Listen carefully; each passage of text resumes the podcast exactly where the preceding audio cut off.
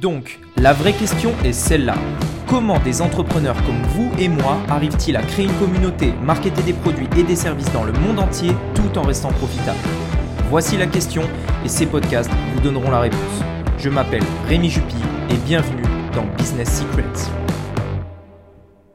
Bonjour à tous et bienvenue dans ce nouveau podcast. Alors voilà, aujourd'hui je voudrais vous partager quelque chose qu'on m'a euh, partagé vraiment au tout début que je commençais dans l'entrepreneuriat, c'est-à-dire euh, quelque chose en fait qui, est autour du mindset, quelque chose qu'il faut euh, avoir toujours en tête quand on veut lancer quelque chose, bien que de manière générale, en tout cas c'était mon cas au début, c'est contre-intuitif. C'est-à-dire que de manière générale, quand on se lance dans l'entrepreneuriat, on a vraiment envie de faire les choses vite, de faire les choses rapidement, euh, d'avoir du cash rapidement et donc on fait les projets Enfin, on va faire des projets plus ou moins rapidement, etc., sans avoir forcément une vision long terme. Et ça, si euh, c'est quelque chose que je peux transmettre aujourd'hui via ces podcasts, c'est une des choses que vraiment j'ai envie de partager de plus en plus, c'est-à-dire que c'est une erreur que j'ai faite de vouloir au début faire des projets euh, court terme sans vraiment penser long terme. Et aujourd'hui, sincèrement, je ne vais plus que me baser sur des projets long terme, voire très long terme. En fait, pourquoi c'est une des plus grosses erreurs que j'ai fait? Bah, Bien évidemment, en fait, le fait de faire ces, petits projets court terme, eh bien, ok, c'est cool, ça m'a appris beaucoup de choses, ça m'a fait un petit peu de cash, etc. Mais euh, le truc, c'est que j'ai rien construit. C'est-à-dire que un projet court terme, c'est beaucoup d'énergie, énormément d'énergie, autant d'énergie qu'un projet long terme. Sauf que, euh, étant donné qu'on n'a pas envie de s'embêter avec les détails, on n'a pas envie de s'embêter, on n'a pas envie de s'embêter avec beaucoup de choses, eh bien, euh, c'est quelque chose qu'on ne construit pas. C'est-à-dire que c'est quelque chose qu'on fait et qui s'arrête et ensuite on va recommencer et ça va s'arrêter. Et en fait, le problème de ça, c'est que si vous faites ça, vous allez continuellement travailler. Toute votre vie, vous allez travailler. Toute votre vie, vous allez créer des nouveaux projets court terme et vous allez travailler, travailler, travailler, travailler. Personnellement, mon objectif, moi, c'est euh, d'être indépendant, c'est-à-dire d'avoir un business qui travaille pour moi et non pas de travailler pour mon business. Et l'idée, du coup, c'est quoi? C'est de faire des projets long terme, c'est-à-dire de, de créer un projet long terme euh, de le penser euh, donc au début euh, vraiment avec une ambition long terme jusqu'à ce qu'il soit automatisé, jusqu'à ce qu'il tourne tout seul. C'est quelque chose qui est possible et c'est quelque chose qui se fait très facilement une fois que votre business a bien été rodé, etc.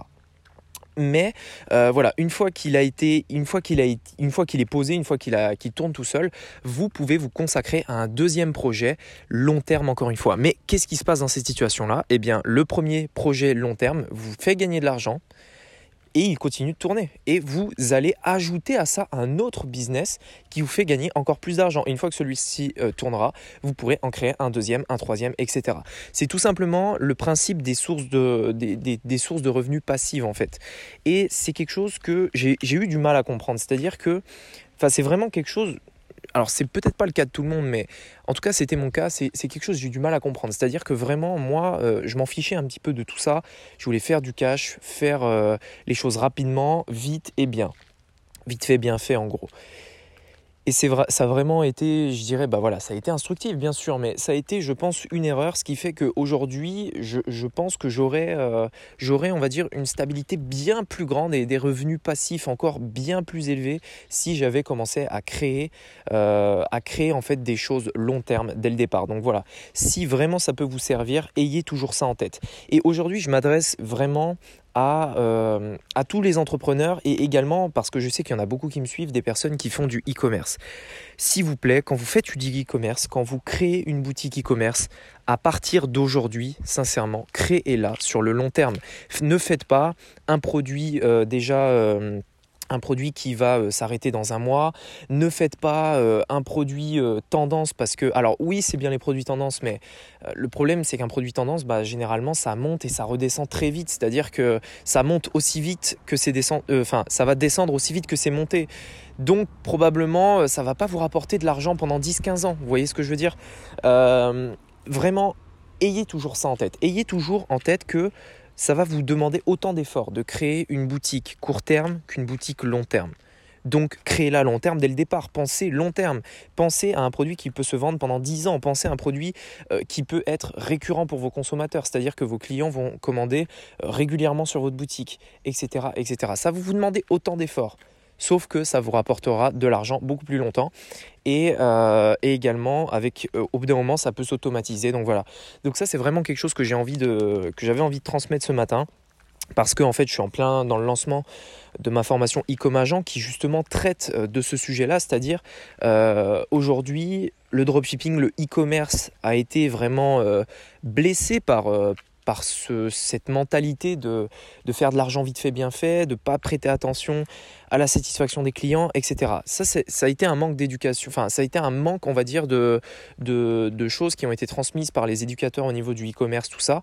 Et, euh, le e-commerce a été blessé par ça. Et, euh, les, les, dropshippers, de manière générale, n'ont pas encore en tête, euh, n'ont pas encore cette, cette manière de penser en tête.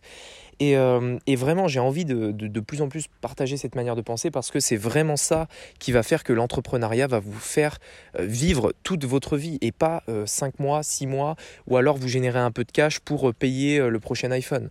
Non, l'idée c'est de d'être libre financièrement. L'idée c'est d'arrêter de travailler. L'idée c'est d'arrêter d'avoir de boss et d'avoir des trucs qui tournent tout le temps, tous les jours et qui vous rapportent de l'argent de manière passive. Donc pensez long terme oubliez le court terme et tout ce que vous faites, absolument tout, pensez le long terme. Voilà, écoutez, euh, merci beaucoup de m'avoir écouté. Je vous dis à très bientôt pour un nouveau podcast et bonne fin de journée à vous. Ciao